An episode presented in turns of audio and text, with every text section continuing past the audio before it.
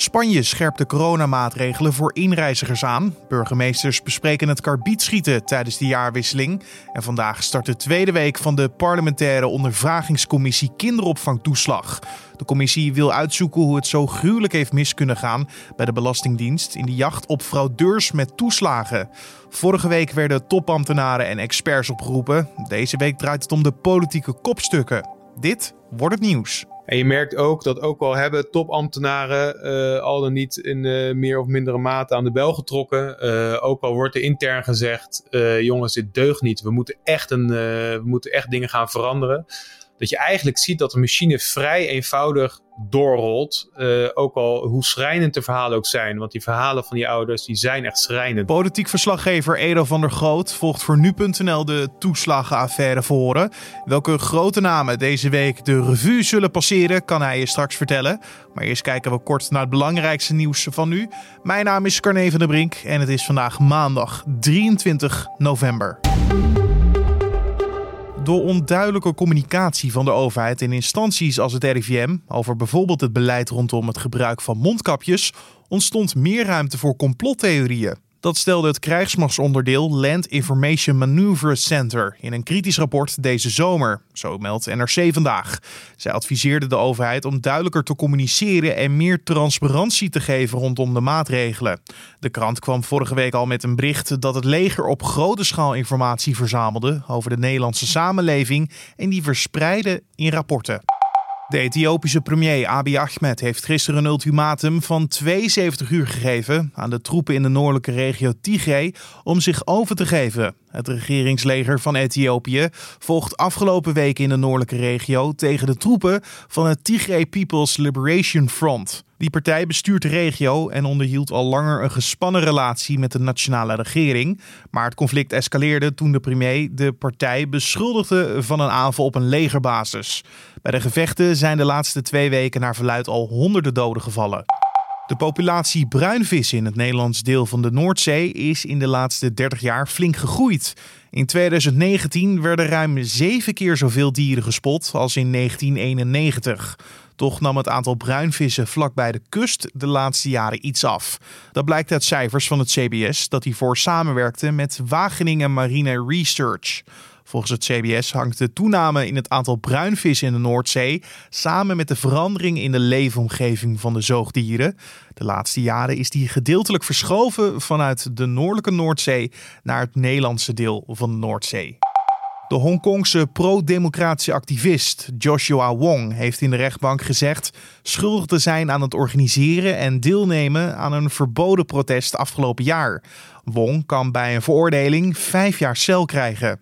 De Hongkongse activist was pas 17 jaar oud toen hij in 2014 het gezicht werd van de paraplubeweging, die maandenlang demonstraties organiseerde tegen de invloed van China. Ook twee andere dissidenten zeiden vandaag dat ze schuldig waren. Ze worden alle drie vervolgd vanwege een protest dat plaatsvond buiten het hoofdkantoor van de stadspolitie. En vandaag start dus de tweede week van de parlementaire ondervragingscommissie Kinderopvangtoeslag. Met in de hoofdrol politici en oud-politici. Even een uh, opfriscursus, want waar draaide de toeslagenaffaire ook weer om? In de zomer van 2014 kregen alle 157 klanten van een gastouderbureau in Eindhoven een brief van de Belastingdienst dat hun kinderopvangtoeslag per direct is stopgezet en dat ze alle verkregen toeslagen moeten terugbetalen. De reden stond hier niet bij. Er volgden jaren van onzekerheid, stress en financiële problemen bij de gedupeerden. Niet alleen ouders van het gastouderbureau zijn zomaar als fraudeur bestempeld. Het gaat naar schatting om zo'n 26.000 gevallen. Met welk doel deze ondervragingscommissie dan is opgezet, dat vroeg ik aan politiek verslaggever Edo van der Goot. Nou, het doel is om uit te zoeken wat er is gebeurd. Ik heb de voorzitter van die ondervragingscommissie uh, gesproken voordat uh, de verhoren begonnen, uh, Chris van Dam van het CDA. En die zei van ja, wij maken een foto. En wat mensen uiteindelijk met die foto doen, of ze hem ergens heel pontificaal ophangen of ergens in de laad stoppen, dat moeten ze zelf weten. Maar we willen gewoon uitzoeken wat er is gebeurd. En het belangrijkste eigenlijk is dat de gedupeerde ouders uh, dan ook weten van ja, weet je, deze fout, de situatie waarin ik nu ben beland, is niet onze eigen fout. De Belastingdienst, de overheid, is hier schuldig aan.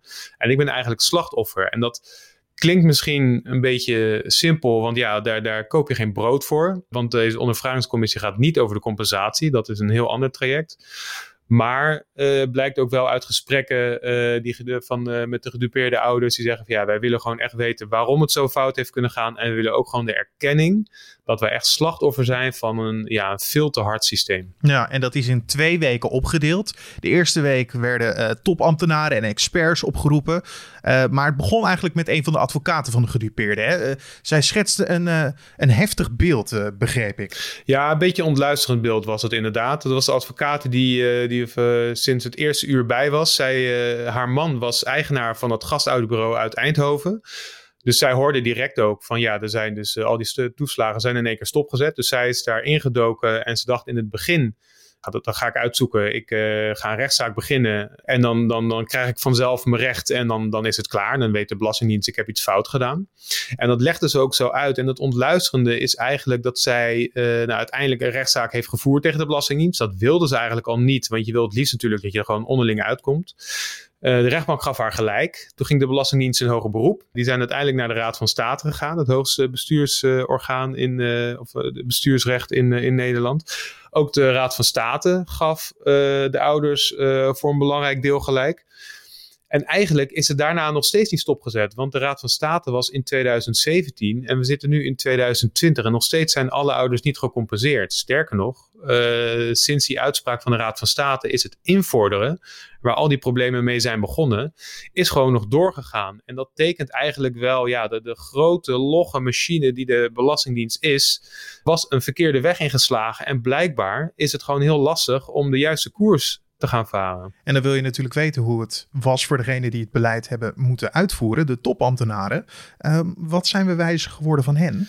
Ja, het is bijna een beetje, een beetje filosofisch. Al doe je natuurlijk het, uh, wat die ouders is aangedaan, daar uh, heel erg mee tekort. Maar bijna een filosofische vraag. Want ambtenaren waren wel uh, verantwoordelijk maar misschien niet de schuldige. Dat, dat beeld duikt toch wel een klein beetje op als je de ambtenaren zelf hoort. Hè? Dus dat, dat is niet uh, wat, zo is, maar dat, dat is een beetje het beeld als je ze hoort praten. Want ja, ze zeggen, wij voeren de wet uit. En die wet was nu eenmaal om fraude uh, hard aan te pakken. Uh, de alles of niets benadering. Dus dat wil zeggen dat als jij een fout maakt bij het betalen van je eigen bijdrage aan de kinderopvang.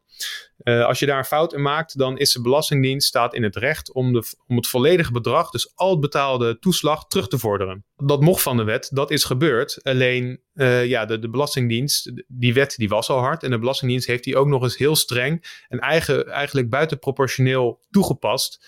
Ja, dat, dat was eigenlijk een opeenstapeling uh, van, van hardheden die, die die ouders natuurlijk totaal heeft, heeft overvallen. En ja, stukje bij beetje wordt duidelijk hoe ja, te hard die wet is en hoe buitenproportioneel die is toegepast.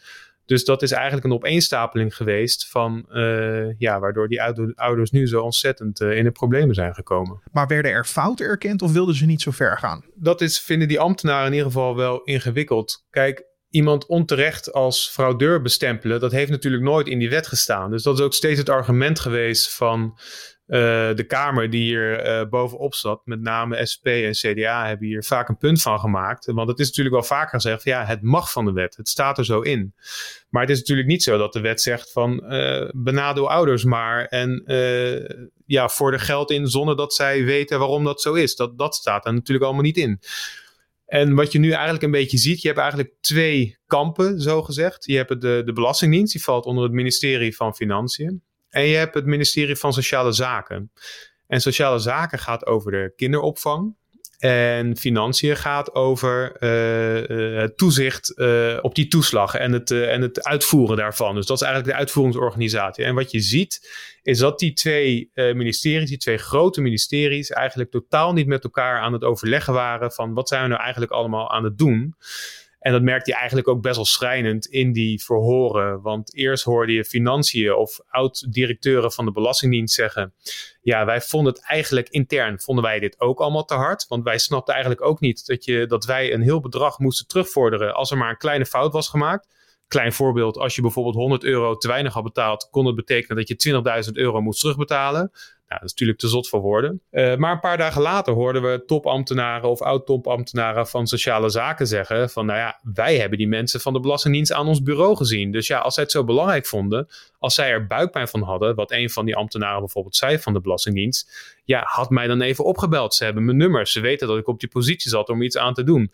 En zo zie je eigenlijk steeds dat ze wel zeggen van ja, we waren wel op zoek naar een oplossing. We hebben er ook wel uh, expert meetings over gehad. We hebben er ook wel dingetjes over geschreven. We hebben het er onderling over gehad. Maar eigenlijk is er geen één ambtenaar of uh, minister of staatssecretaris geweest die echt heeft doorgepakt en heeft gezegd: nu gaan we dat allemaal veranderen. Willen ze dan nu in deze, in deze tweede week, waar politici en oud-politici worden gehoord, uh, het hebben over die, ja, die bijna Babylonische spraakverwarring die dus heeft plaatsgevonden?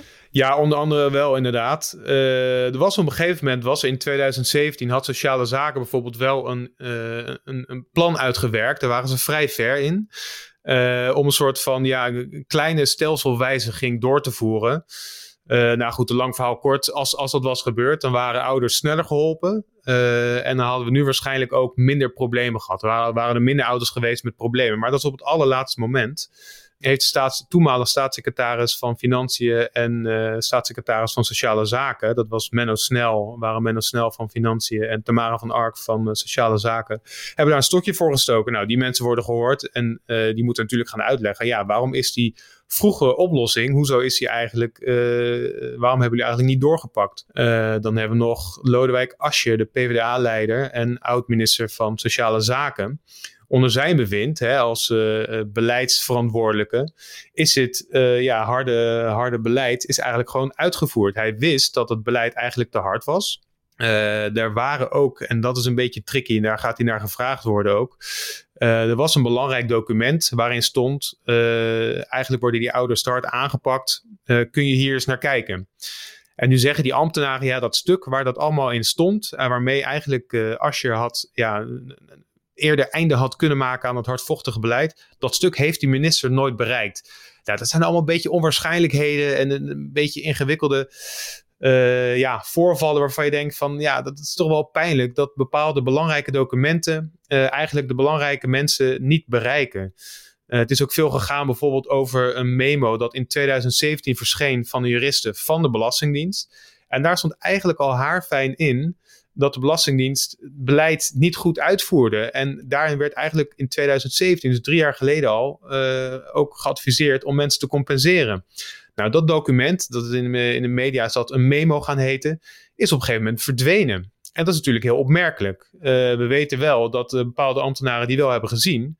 Maar op de een of andere manier is dat toch ergens in een la uh, terechtgekomen. De, de opstellen van het memo werd ook gehoord. Even ook gezegd: ja, ik, ik snap niet dat mijn advies uh, toen niet uiteindelijk de politieke top op financiën uh, heeft bereikt. Dus ja, dat zijn allemaal wel heel erg ongemakkelijke uh, voorvallen waar ook uh, de politiek leiders natuurlijk uh, van dat moment uitleg over zullen moeten geven. Gaan we dan een week in waarin de, de, de, politieke leiders geconfronteerd worden met de onbegrijpelijke fouten van toen de tijd? Moet ik, moet ik het zo zien? Ja, die, zij zullen ongetwijfeld ook moeten uitleggen ja, waarom, waarom zij niet aan de, de, rem hebben gesproken eigenlijk, of aan de rem hebben getrokken. Eigenlijk het belangrijkste is wie wist wat op, op welk moment. dat, dat is natuurlijk altijd als je iets wil reconstrueren een belangrijke vraag.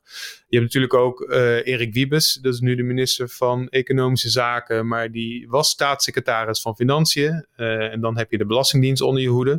Die heeft ook jarenlang met topambtenaren overleg gehad. En uh, ja, die, die harde aanpak van de Belastingdienst is ook met hem besproken. En ook daar is geen actie ondernomen om dat te veranderen. Nou, als je nog iets hoger in de boom klimt, kom je uiteindelijk ook bij de premier uit, Mark Rutte.